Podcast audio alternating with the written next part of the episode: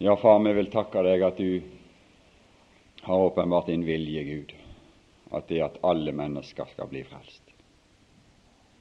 Det er din vilje. For du hjelper oss å se din vilje, og så se din tålmodighet og din langmodighet. Og at ikke vi gir opp. Du gir ikke opp. Du, du ser lengtene til den fortapte verden, om det er noen som ville vende om. Vi takker for at vi fikk være blant disse lykkelige som du overbeviste, at vi fikk se dette her, og at Din Hellige Ånd gjorde sin overbevisende gjerning i våre hjerter. Vi ber om at den ånd fortsatt må virke i våre omgivelser og overbevise. Vi vil takke deg for all din nåde imot oss, Gud. Ber om at i den time vi har igjen, så måtte vi også få leve en mer for deg. Amen.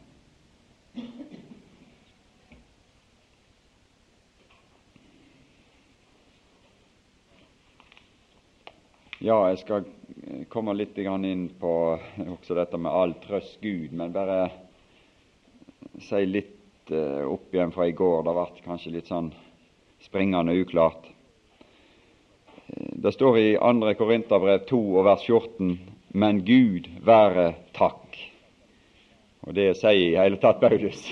Han er en veldig takknemlig mann. Han har lært å være takknemlig. Gud være takk for sin usigelige gave. står det i kapittel 9 og vers 15, tror jeg det. Det kan i hvert fall alle alle barna oppe i oss de kan dette utenat, så, så der kan du bare gå bort og så si sånn at Vi hadde han nett på besøk en gang. og så Han lærte noen sånne minnevers for disse her barna. Så hadde en sånn eh, transparent og sånt her, og så hadde han akkurat det ordet. Så tar han vekk etter et ord med å legge et annet på det. og så Til slutt kan de det utenat. Og så nå så kan du bare stille oss opp framfor barneflokken oppi oss og så si nå skal vi lese si. Da gjør sånn, så kommer det Gud være takk for sin usigelige gave. Andre kor 9.15. Det kjennes som litt sånn skudd. så det er litt kjekt. Gud være takk for sin usigelige gave. Han var takknemlig, Paulus. Og det er liksom eh, det som gjør at han er så uendelig tiltrekkende å være i lag med. For takknemlige folk er det så tiltrekkende å være i lag med. Det, det, er sånn, det, er alltid noe godt med takknemlige folk. Sure folk, de ja, ja, misfornøyde folk og sånt. Men han var aldri misfornøyd. Han var alltid takknemlig. Gud være takk for sin usigelige gave, sier han der. Men Gud være takk, som alltid lar oss vinne seier i Kristus. Og denne seieren, eh, den består altså her da i det som står videre her, og ved oss, altså at Gud ved oss åpenbarer sin kunnskapsduft på ethvert sted. Altså Gud ved oss, eller Gud ved, ved de som han taler om her. Som det står i kapittel 10 og vers 4, at men våre våpen er mektige for Gud til å omstyrte festningsverker. Og som det står i kapittel 5 og vers 20, som om Gud sjøl formante ved oss.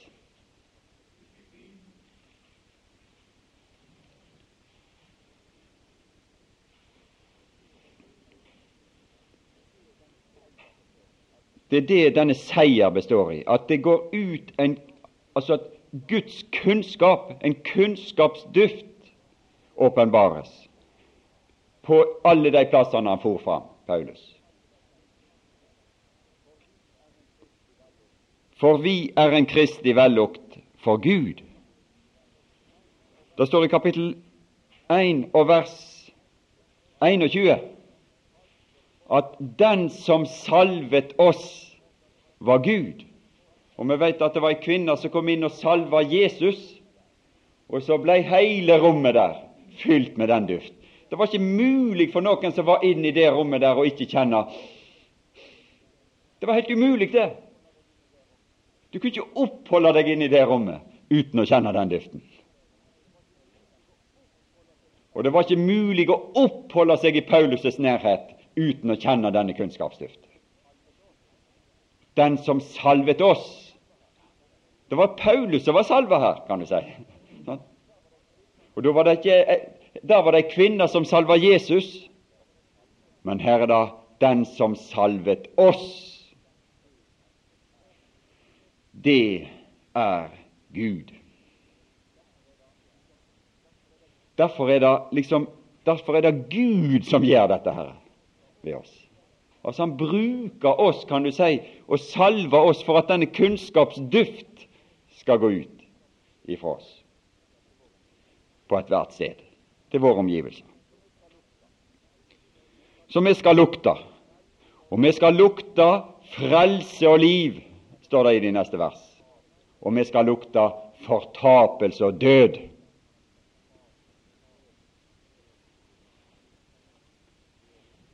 Ikke mindre enn det. Det er det, det, er det som er, er, på en måte innholdet, det er det som er aromaen i denne duft. Det er frelse og liv, og det er fortapelse og død.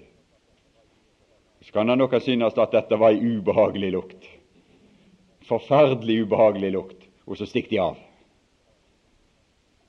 Fordi vil ikke ha noe med den lukta å gjøre, den duft å gjøre. Mens andre de, de får liksom sine sanser, står det. Sant? Det står noe om at sansene blir forandra. Ah, ja, jo, men ja, altså Mye av det som jeg syntes var forferdelig å få inn i munnen da jeg var unge, når jeg var barn, syns jeg nå er den herligste smak. sant? Fordi at det er noe med, med smaken som er blitt forandra, noe som er blitt oppøvd.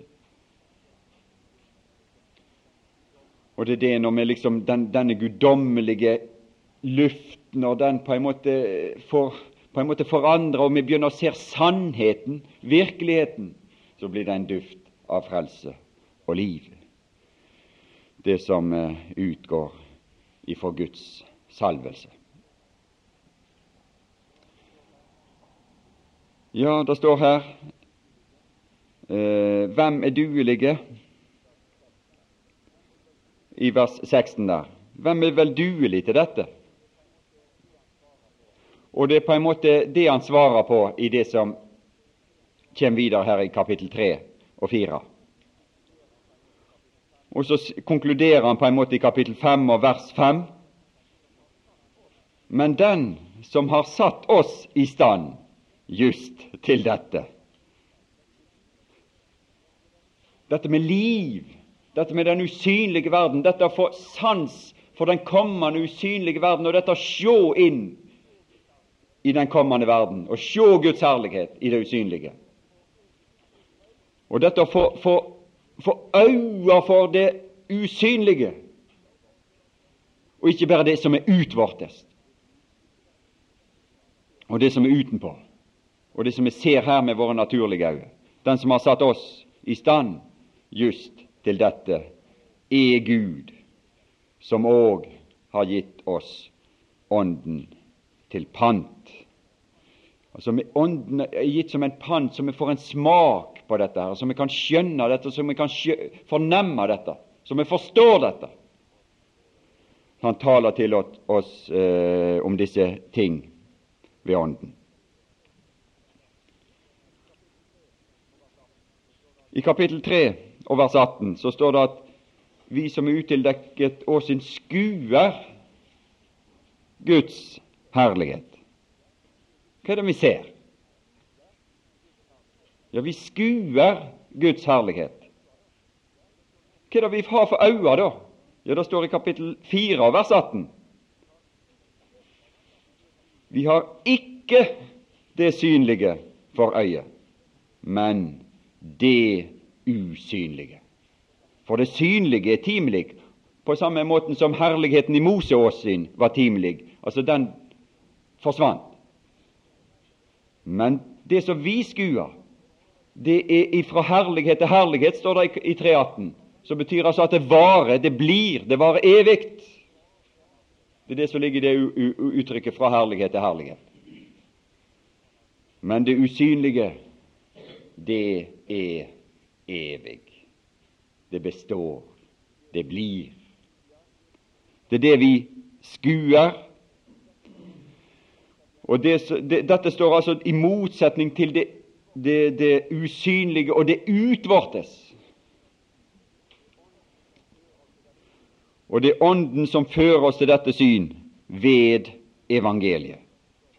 I kapittel 4 og vers 3 så står det er det enn vårt evangelium, altså Guds ord, evangeliet, er det enn vårt evangelium skjult, så er det skjult blant de som går fortapt, i hvem denne verdens Gud har forblindet de vantros sinn, eller det kunne også stått de vantros tanker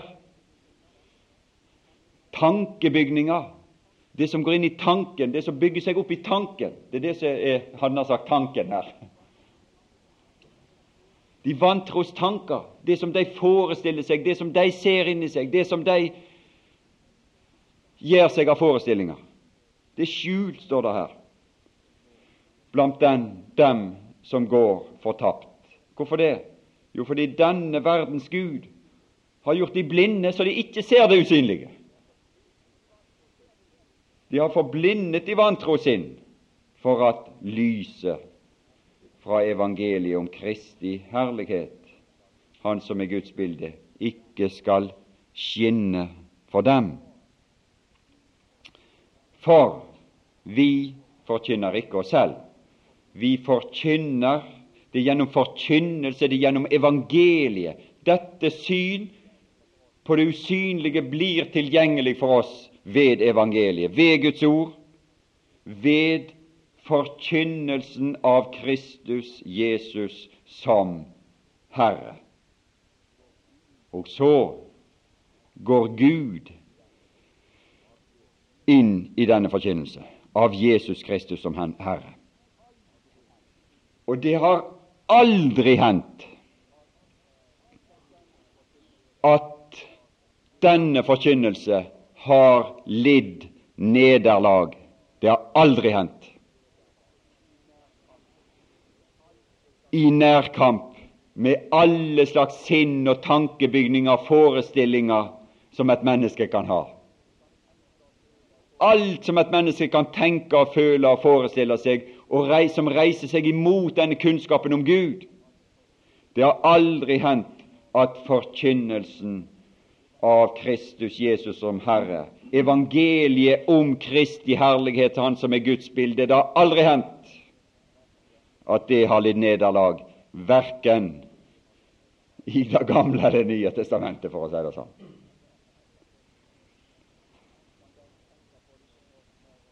Vi kan tenke på liksom når, når, når herligheten veik bort ifra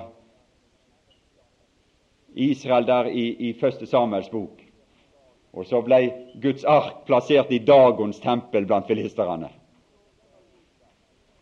Da lå denne guden der på kne neste dag. sant? Og Så var de der, og så reiste de han opp igjen. Og Neste dag igjen da så lå han ikke bare på kne, men han var smadra, ødelagt, tilintetgjort. Altså et bein lå der, og et hode lå der, og en hånd lå der. Hva måtte de gjøre, disse stakkars filisterne? De ville jo ikke ta imot Israels Gud. Det ville de ikke. Herlighetens Gud ville ikke de åpne seg for. Ja, de fant løsningen. De sendte bare arken tilbake. Og Så kunne de samle sammen Dagon og bitene igjen, og så reiste han opp igjen. Og neste morgen da var han nok der, like heil og full. Da var han der. Da så han, Det var ingenting som var skjedd med han da. Da var han like akkurat sånn som de hadde gjort han. Hvorfor det? Jo, for da var herligheten borte.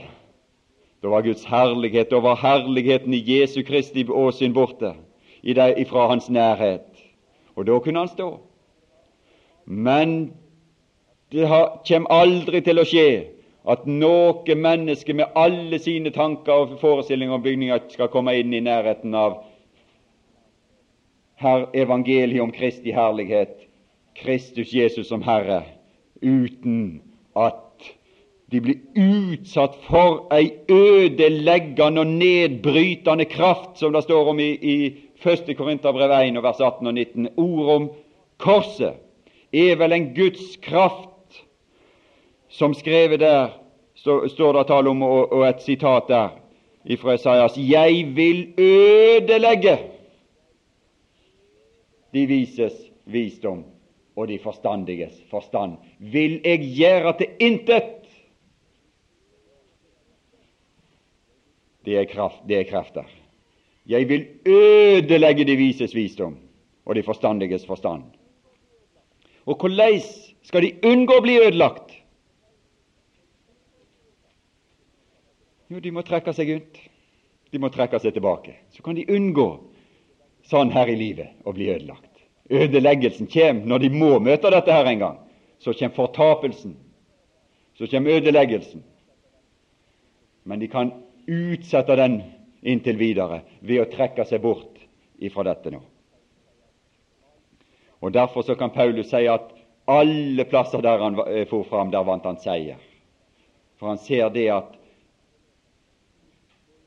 de som ikke ville gå inn i dette møtet, de trekte seg unna.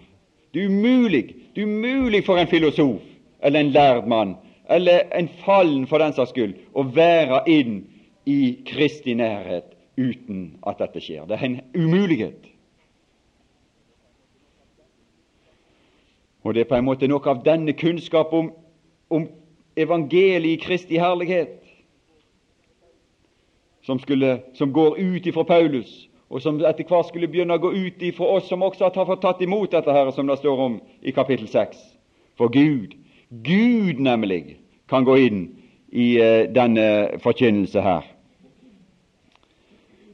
Gud, hvis vi ikke trekker oss unna, hvis vi blir der, hvis vi blir i denne forkynnelse av Kristus Jesus som Herre, så trår Gud inn i denne forkynnelse. Og så står det her i, i uh, vers 6 at Gud som bød at lys skulle skinne fram av mørket, han har også latt det skinne i våre hjerter.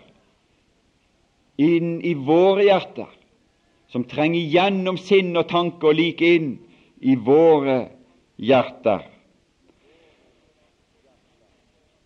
Og her står det for at kunnskapen om Guds herlighet i Jesu Kristi åsyn skulle stråle frem fra oss. Egentlig så står her at for Gud har latt det skinne i våre hjerter for opplysning om kunnskapen om Guds herlighet i Jesu Kristi åsyn.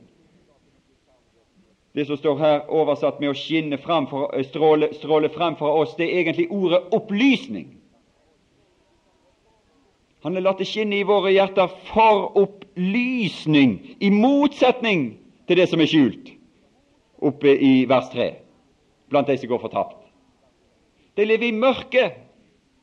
Det er skjult blant de som går fortapt. Men vi har fått opplysning. Opplysning har med kunnskap å gjøre, det. sant? Det har med å se dette her. Det har med å se det, å bli opplyst.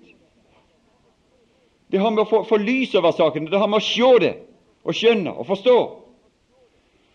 For opplysning om kunnskapen om Guds herlighet i Jesu Kristi åsyn. Og så kan denne opplysning også begynne å gå ut til våre omgivelser ifra oss. Det er i dette forholdet at at evangeliet om Jesu Kristi herlighet skinner for oss. Og så, i dette skinn og i dette lys, så kan vi gå tilbake til kapittel 3 og vers 18, så forvandles vi til det samme bildet. En forvandling. Kunnskapen om Gud. Og så kan denne kunnskapsduft og den salvelse som Den hellige ånd eller som Gud salver oss med i denne forkynnelse, i dette, i dette evangeliet. så kan denne kunnskapsduft også begynne å gå ut ifra oss til våre omgivelser. Om frelse og fortapelse, om liv og død, om dette evige skillet. Og det er et skille som all verdens kunnskap og verdslig kunnskap avskyr. De vil ikke ha dette skillet. De trekker seg under dette. Herre. De vil ikke ha dette skillet. Det er noe som er gjennomgående for all falsk gudskunnskap og all religiøsitet. At de vil ikke ha dette skillet. De vil ikke ha denne forkynnelse.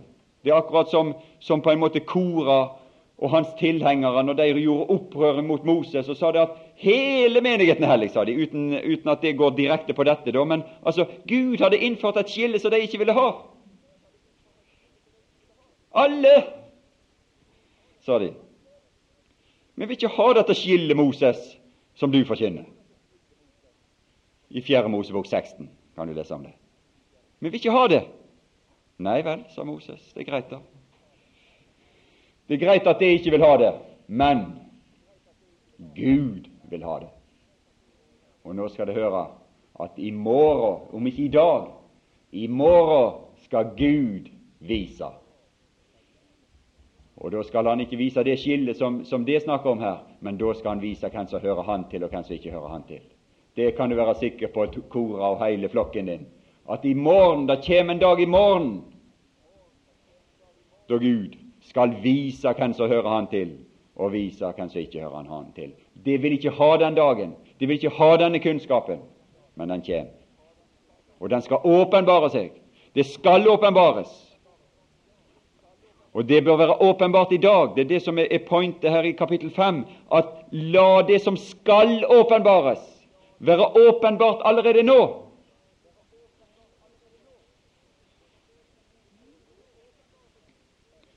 Vi er åpenbare for Gud her og nå. Jeg er åpenbar for Gud her og nå. Du er åpenbar for Guds åsyn her og nå. Du kan ikke skjule noen ting for Gud, selv om, om, om folk rømmer unna det. Så kan de ikke Vi er åpenbare for Gud. Og Så sier Paulus da la oss like godt være åpenbare, åpenbare for hverandres sitt eh, samvittigheter først og sist, her og nå. For det skal åpenbares. Alle ting.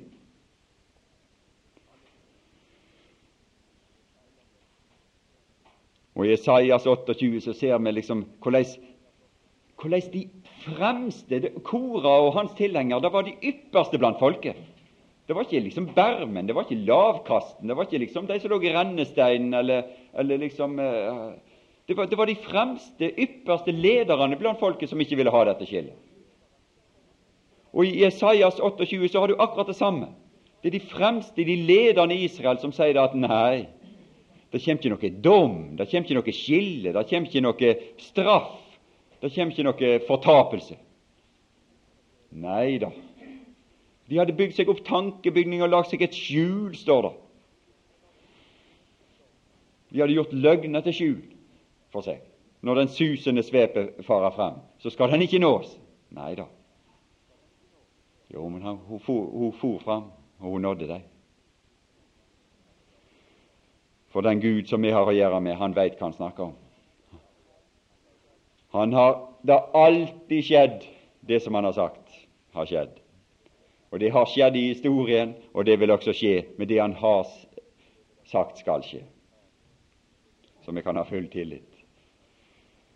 Full tillit til det. Det er ingen andre guder, ingen av Babylons avguder kan fortelle noen som, ting som helst om morgendagen, men vår Gud kan.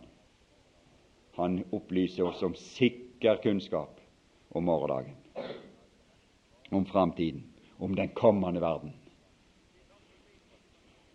de kommende ting, de tilkommende ting. Og For meg er det Det er en uendelig liksom Om du kan si det er liksom noe som, som har gjort meg så på en måte godt og fast og trygg å vite at jeg har med en frelser som veit hva han snakker om. Og som veit hva han snakker om bak grav.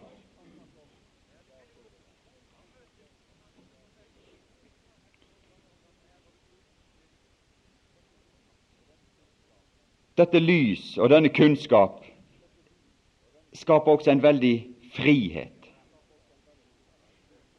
Og denne frihet blir heller ikke tålt i verden. Altså liksom I verden så må, skal du på død og liv være slave av et eller annet. Altså liksom Uansett hva slags sammenheng du er i, så er det liksom et eller annet form for organisert eller uorganisert system vi skal underordne oss. Altså Det er alltid fra ungdom som må følge moten, for de kan ikke skille seg ut, til liksom religiøse system og, og, og, og liksom andre typer sammenhenger og organisasjoner og, og eh, slike samfunn som folk involverer seg i. Og da tåles det ikke at en opererer i frihet. Men der, her, her, der Herrens ånd er, der er frihet. Dette lys skaper en uendelig frihet. Du står her sånn. Står for Guds åsyn. Når du er innenfor Guds åsyn For Hans åsyn og ser Hans herlighet, med alt dette her omkring da? Og den frihet, den tåles ikke her i verden. Og derfor vil verden gjøre alt de kan, og bruker å ta alle midler i bruk for å skape trengsel for oss av ulike arter. Og Vi kan tenke på det, vi, vi, vi vet jo liksom har vanskeligheter for å forestille oss en del av disse tingene, men de som for vi lever jo i en tid som er så spesiell, disse siste århundret kan du si, er så spesielt at det er vanskelig å, å på en måte forestille seg hva trengsel er, på en måte fra oss. Altså Skjønt vi har våre arter og typer av trengsel. Det er bare så mye mer på en måte, det, det, det er på en helt annen art når vi blir lamma og, og stengt inne av, på, på, helt andre måter enn det de gjorde før. Det var mye mer reinhårig før. Krigen var mye mer reinhårig før. Da tok du sverdet og gikk bort til en mann og stakk deg i brystet på han. Men nå sitter du i, i en, med en røyk i kjeften og en, en whiskeflaske på bordet og trykker på en knapp, og så liksom ødelegger en, en mengde folk. Langt lagt unna. sant? Det er en så mye, mye simplere form. For, for, for alt er forsøpla, forsimpla i våre dager. Alle ting, også forfølgelsen av de troende. altså.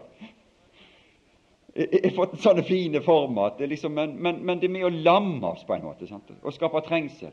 Så vi kanskje ikke greier, Det er så vanskelig å forholde seg til det, for det er så eh, Ja, vi, vi vet liksom ikke greier nesten ikke å avsløre det. Det krever så mye. Det var så mye greiere før når du kom med et eh, sverd og sa at hvis ikke du går til messen i morgen og er med på messen i morgen, så hogger vi hodet av deg. Da fikk du et greit og enkelt valg, da, og vitne for den frelser du trodde på eller ikke. Så det, det, det, det, er på en måte liksom sånt, det er helt andre forhold i våre i dag. Men er, i, i, verden har dere trengsel. De ønsker å, å, å trenge oss på alle måter eh, gjennom alle slags midler. Men i, en, i den situasjonen og i disse ting her, så går vi tilbake til kapittel 1 og vers 3 der det står om all trøst Gud, Han som trøster oss i all vår trengsel. Og med en gang Gud gir oss noe, så gir Han oss alltid overflod. Alt som Gud gir, gir Han overflødig for at noe skal gå ut til omgivelsene ifra oss. Mitt beger flyter over, sier, sier David. Og her òg, med en gang Gud begynte å trøste Paulus, så var det så overflødig at det gikk ut til omgivelsene for at vi skal kunne trøste. Det er alt med Gud er sånn. Det, det ser du i naturen òg. Den overflod som er i naturen.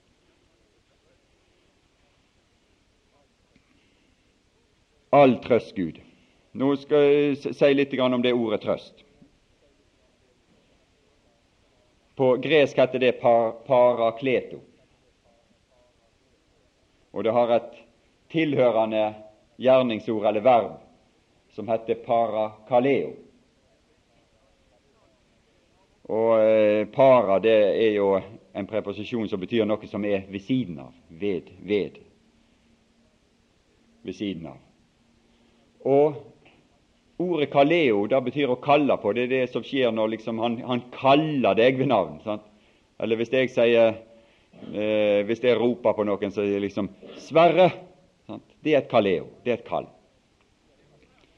Og kleto, parakleto, det er liksom et slags eh, substantiv som er gjort ut av det, det eh, ordet. Og dette her ordet det er brukt det er oversatt på en annen måte i Johannes evangeliet. Da er det oversatt som talsmannen. Det er nøyaktig samme ordet. Talsmannen, som Jesus bruker måneden. For det er det det er, nemlig.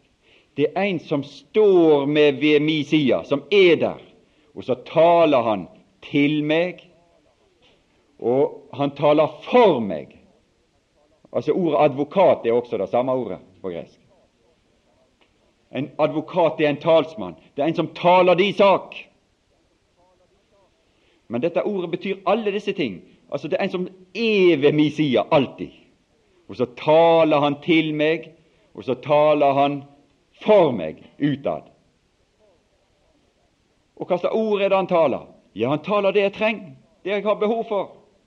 Akkurat som en far gjør til barna sine, far og mor gjør til barna sine. De taler trøstens ord når det er nødvendig. De irettesetter når det er nødvendig. De oppmuntrer når det er nødvendig. De tilskynder når det er nødvendig. Alt dette her ligger i dette ordet her. Og Ordet formaning, som ofte er brukt her også, f.eks. i kapittel 5 og vers 20, det er det samme ordet. Altså vi forma, Som om Gud selv formante. Det har vi å oppmuntre og tilskynde og nøder til. Og Det er akkurat samme ordet, altså verbet for ordet trø, all trøst Gud.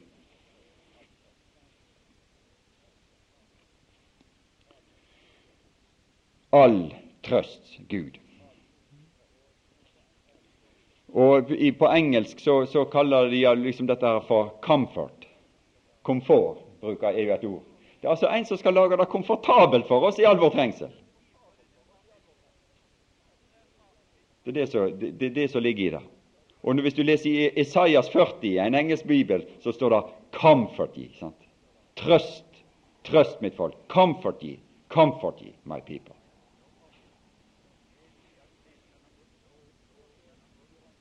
Hvis vi går til Johannes 16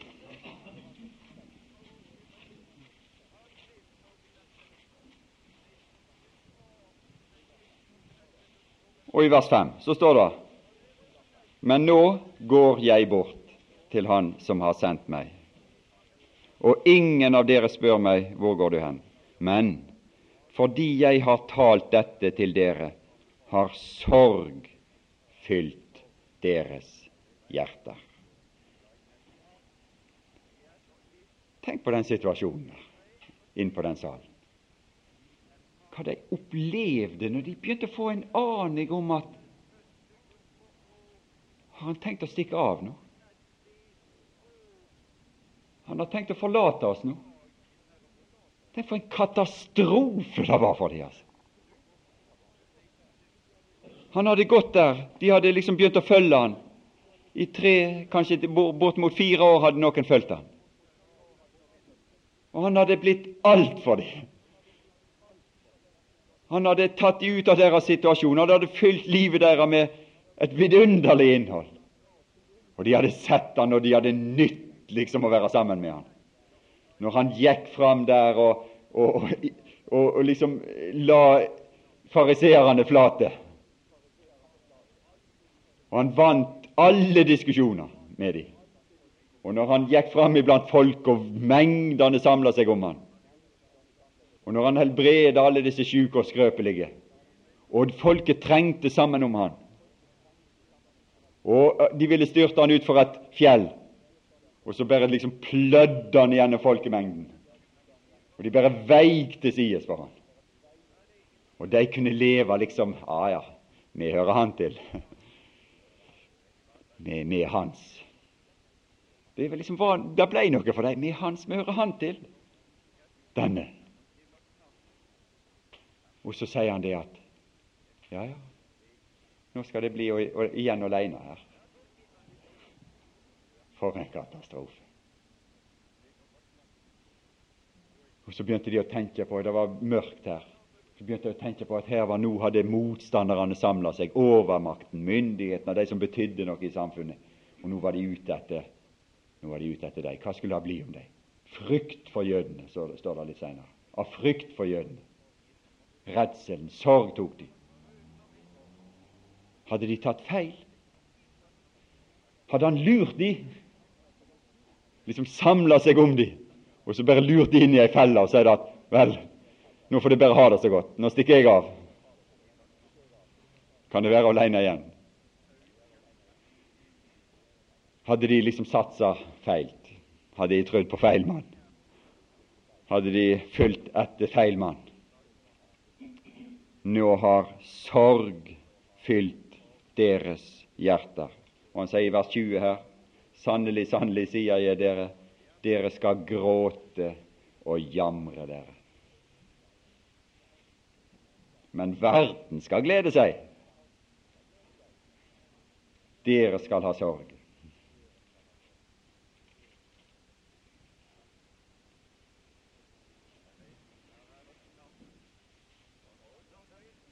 Hva sier han i vers 7? Men jeg sier dere sannheten. Det er til gagn for dere at jeg går bort, for går jeg ikke bort, da kommer trøsteren, talsmannen, ikke til dere. Men går jeg bort, da skal jeg sende ham til dere. Da skal det for han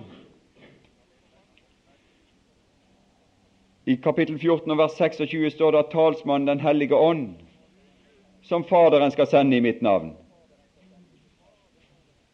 Faderen skal sende han. De skal få han. For det er nemlig slik at det skal ikke alltid leve som én samla flokk her. Det skal ut i verden, det.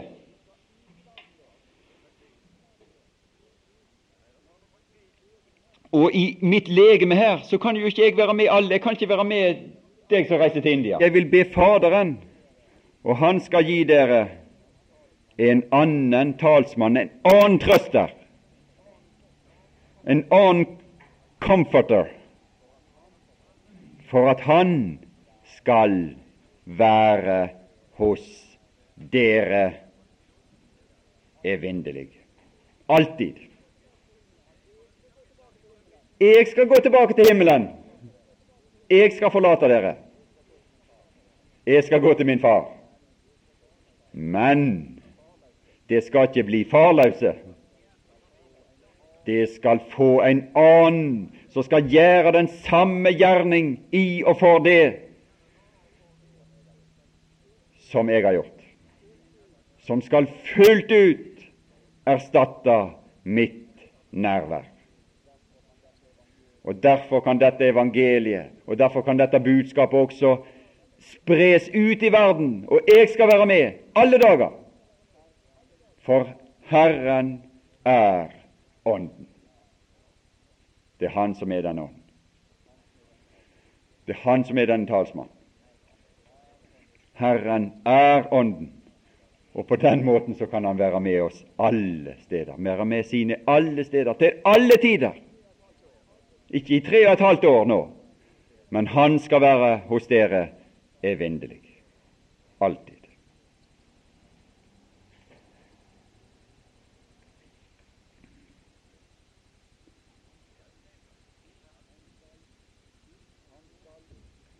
Han skal vitne om meg, står det i 1418 her.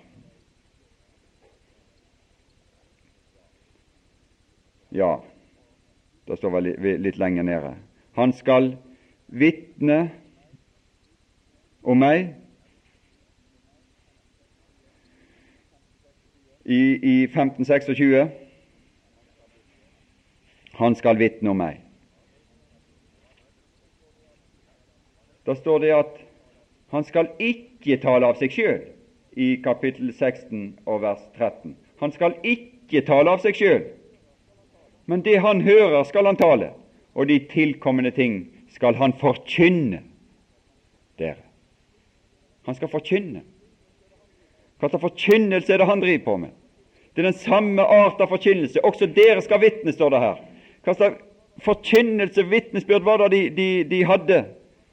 Jo, han skal forkynne på samme måten som Paulus forkynte. Vi forkynner ikke oss selv, men vi forkynner Jesus Kristus som Herre.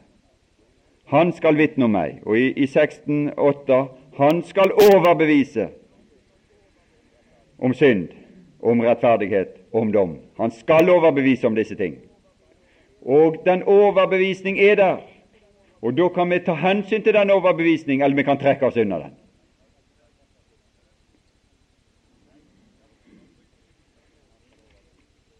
Men han skal overbevise.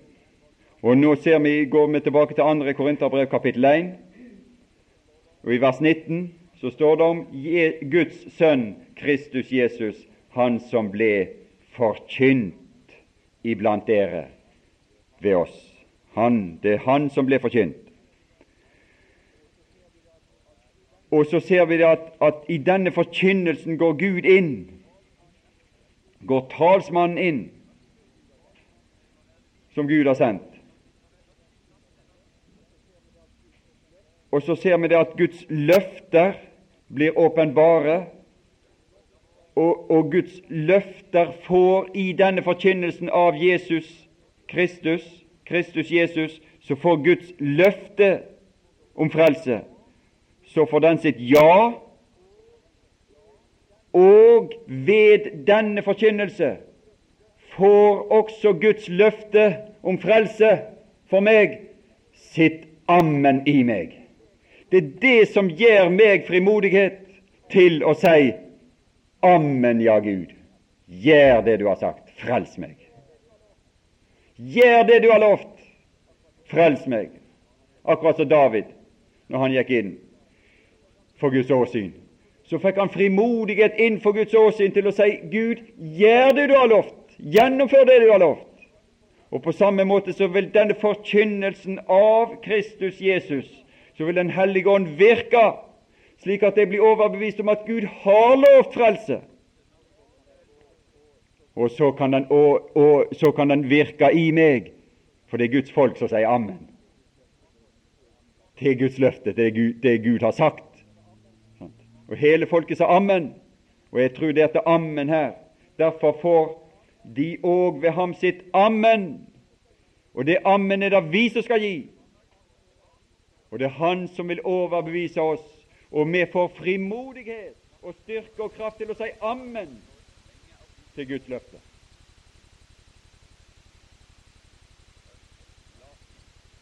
Gud til ære ved oss. Og så, i dette forhold, i denne forkynnelse, så skapes da bånd, en forbindelse. Men den som binder oss til like med dere fast til Kristus.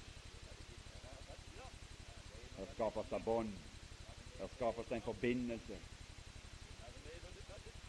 som ingen makt og ingen krefter skal evne å bryte og slite seg. Ingen mennesker, ingen makter, ingen krefter skal evne å bryte disse bånd. Det er som den som binder oss til like med dere fast til Kristus, og som salvet oss. Så begynner denne her kunnskapsdusk også å gå ut ifra oss. Det er Gud, Han som også satte sitt innsegl på oss og gav oss Ånden til pann, til en forsmak på de tilkommende ting. For det er en forsmak på dette samfunnsliv med Gud, og dette å være sammen med Han. Og vi får smake samfunnet med den Herre Jesus. Han gav oss Ånden som pant i våre hjerter. Og så vil Han være vår talsmann vår oppmuntrer, vår tilskynder, vår formaner. Og Når vi går ut i kapittel 6, da, så oppmuntrer han oss og tilskynder oss til å bryte alle disse her forferdelige bånd som verden vil, vil eh, binde oss fast med. Alle disse samfunn, alle disse sammenhenger som vi har så lett for å gå inn i i denne verden, som har med det synlige og nærværende og det som er komfortabelt i denne verden å gjøre.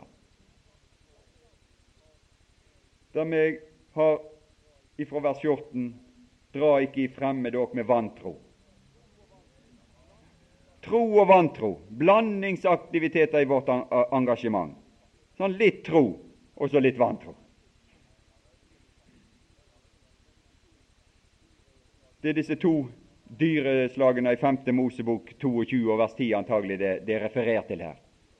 At du har to dyreslag som skal legges under samme åk. Det går ikke, det. De har ikke samme takt, de har ikke samme kroppsstørrelse, om du kan si det sånn. De vil ikke kunne pløye på, på en god måte. Det vil liksom gå galt. Hva samlager det med rettferd og urett? Og samfunn med lys og mørke. Se disse kontrastene. Samklang mellom Kristus og Belial. Og hva lodd og del har en troende med en vantro? Og hva enighet er det mellom Guds tempel og avguder.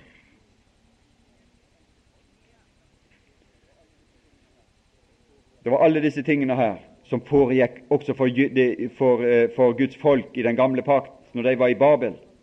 Så hadde de involvert seg i alle slike forbindelser som dette her. Og så kom Guds stemme, så kom trøsterens, formanerens stemme til de, et rop til de i Esaias 40 og sa:" Dra ut! Du, profeten skulle si det Gud har sagt det. Jeg skal være deres trøster. Jeg skal være deres talsmann. Jeg skal være deres alt. Jeg skal være deres forbindelse. Og det er det løftet han kommer med her i fortsettelsen. Vi er jo den levende Guds tempel, som Gud har sagt. Jeg vil bo iblant dem og ferdes iblant dem. Jeg vil være deres Gud, og de skal være mitt folk. Derfor, gå ut fra dem og skill dere fra dem, sier Herren, og rør ikke ved urent, så skal jeg ta imot dere. Og Det er sitatet fra Isaias 48. Og jeg vil være dere en far, og dere skal være meg sønner og døtre, sier Herren den allmektige. Ettersom vi da har disse løfter, mine elskede. Disse løfter, det er Guds løfte, og de har ved Kristus Jesus sitt ja. Og i Han så kan vi fri, få frimodighet til å forlate alle disse vanhellige forbindelser og gå ut i ørkenen, ut til Han, at Han skal være vår Gud, og Han skal være vår Far, og Han skal være vår alt, og Han skal ta seg av oss på alle måter. Han skal være vår trøster og talsmann, og han skal gjøre det komfortabelt for oss i ørkenen, ut av Babel. Og han skal føre oss til Jerusalem og inn i sitt hellige tempel der. Men han skal lage den veien om som den blir fullt ut farbar for oss, og Han skal fylle oss med jubel på den veien. Og Han skal åpenbare sin herlighet på den veien. Og Han skal jevne ut alle vanskeligheter på den veien. Det er Hans løfte. Og så har vi Kristus Jesus. Så har vi frimodighet til å si Amen. Gjør det, og la oss rense oss fra all urettferdighet på kjøtt og ånd, og fullende vår helliggjørelse i Guds frykt. Jesajas 48, 20, der det står tale om å dra ut av Babel, avguderiets senter, ugudelighetens senter, som er så tiltalende ytre. hvis du, du, du har vel lest dette her i Åpenbaringa 18 og Åpenbaringa 17, der det står om, om, liksom Babel og all dens herligheter og dette begeret eksempel, som hun har der, og som er så utsøkt dekorert og som har et sånt tiltrekkende ytre. All forførelse har et tiltrekkende ytre. Det er, ingen, det er ikke ei gammel hørpa som kan forføre meg. Sant? Men det er noe som er tiltrekkende, noe som er sjarmerende, noe som har et tiltrekkende ytre. All forførelse har et tiltrekkende, sjarmerende ytre. Og for å bli bevart ifra det, for å skjønne hva som er bak den fine fasaden, så må du ha et syn ovenifra. For det står nemlig at i dette, dette begeret her, som denne kvinnen hadde i åpenbaringa der, Oppi der var det fullt av gift og, og, og elendighet og styggedom og sånne ting. Og orm. Men for å se det må du se det ovenifra. For å bli klar over det, så du, må du løfte blikket må du overfor det begeret for å se ned i det. Og Det er derfor vi må ha opp på berget og møte herlighetens Gud, så vi kan se ned, og så kan vi avsløre tingene i denne verden og få et syn på dem, akkurat som Moses fikk. Han kunne se utover leiren, der, for han hadde vært med herlighetens Gud på fjellet, og så kunne han bedømme det som foregikk i leiren.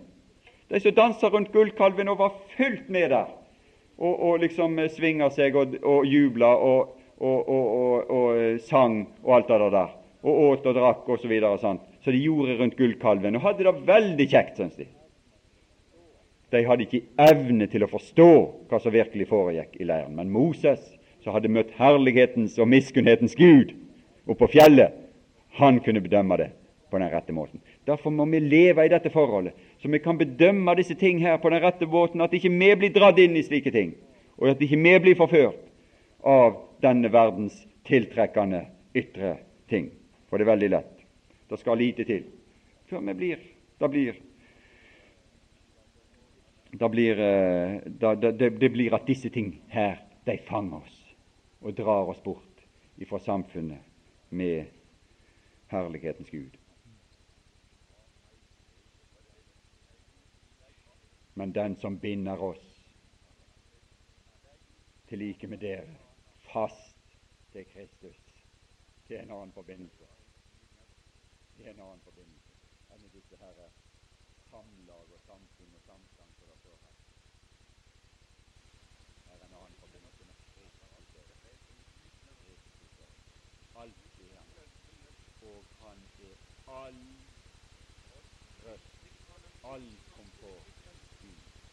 Han trøster oss, som det står her, i all vår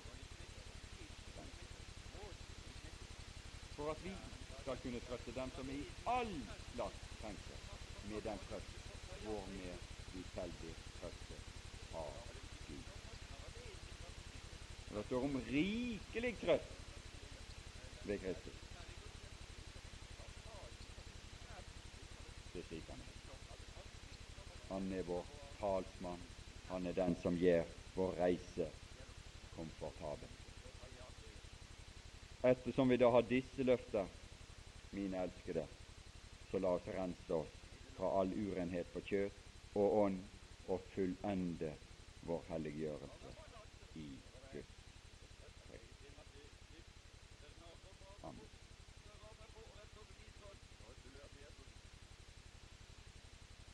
Vi takker deg, Far, for ditt herlige ord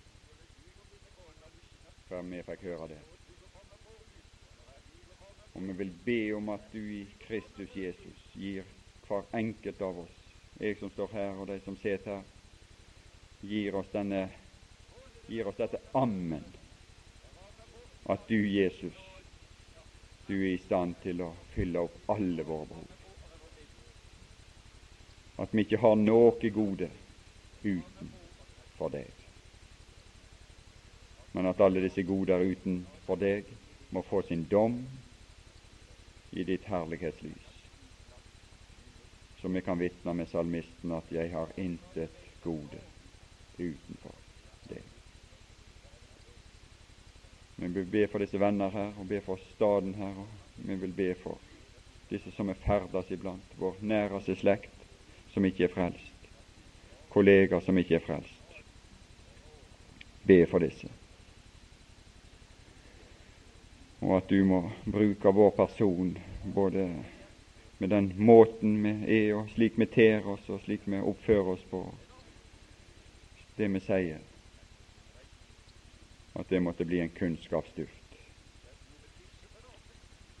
Så de måtte, og at vi ber om at du måtte ta deg av. Vi tenker kanskje på noen spesielt, hver enkelt av oss. Noen av våre aller nærmeste som skulle blitt frelst. Herre Jesus, at du måtte byde dette vidunderlige rop som bud som du har bydd i våre hjerter at lyset skulle skinne fram. At det måtte, måtte bli lys i mørket. Og at disse skjulte skatter måtte bli åpenbare for dem, så de skjønner hva slags enorm skatt du, Herre Jesus, er for oss. Vi ber om det, og vi takker deg for håpet. Vi takker deg for løftet. Vi takker deg for det at du skal være med oss alltid evinnelig. Det er ikke ende på ditt samfunn, men du har du er bunden fast til oss med evige bånd. Det vil vi takke deg for. Amen.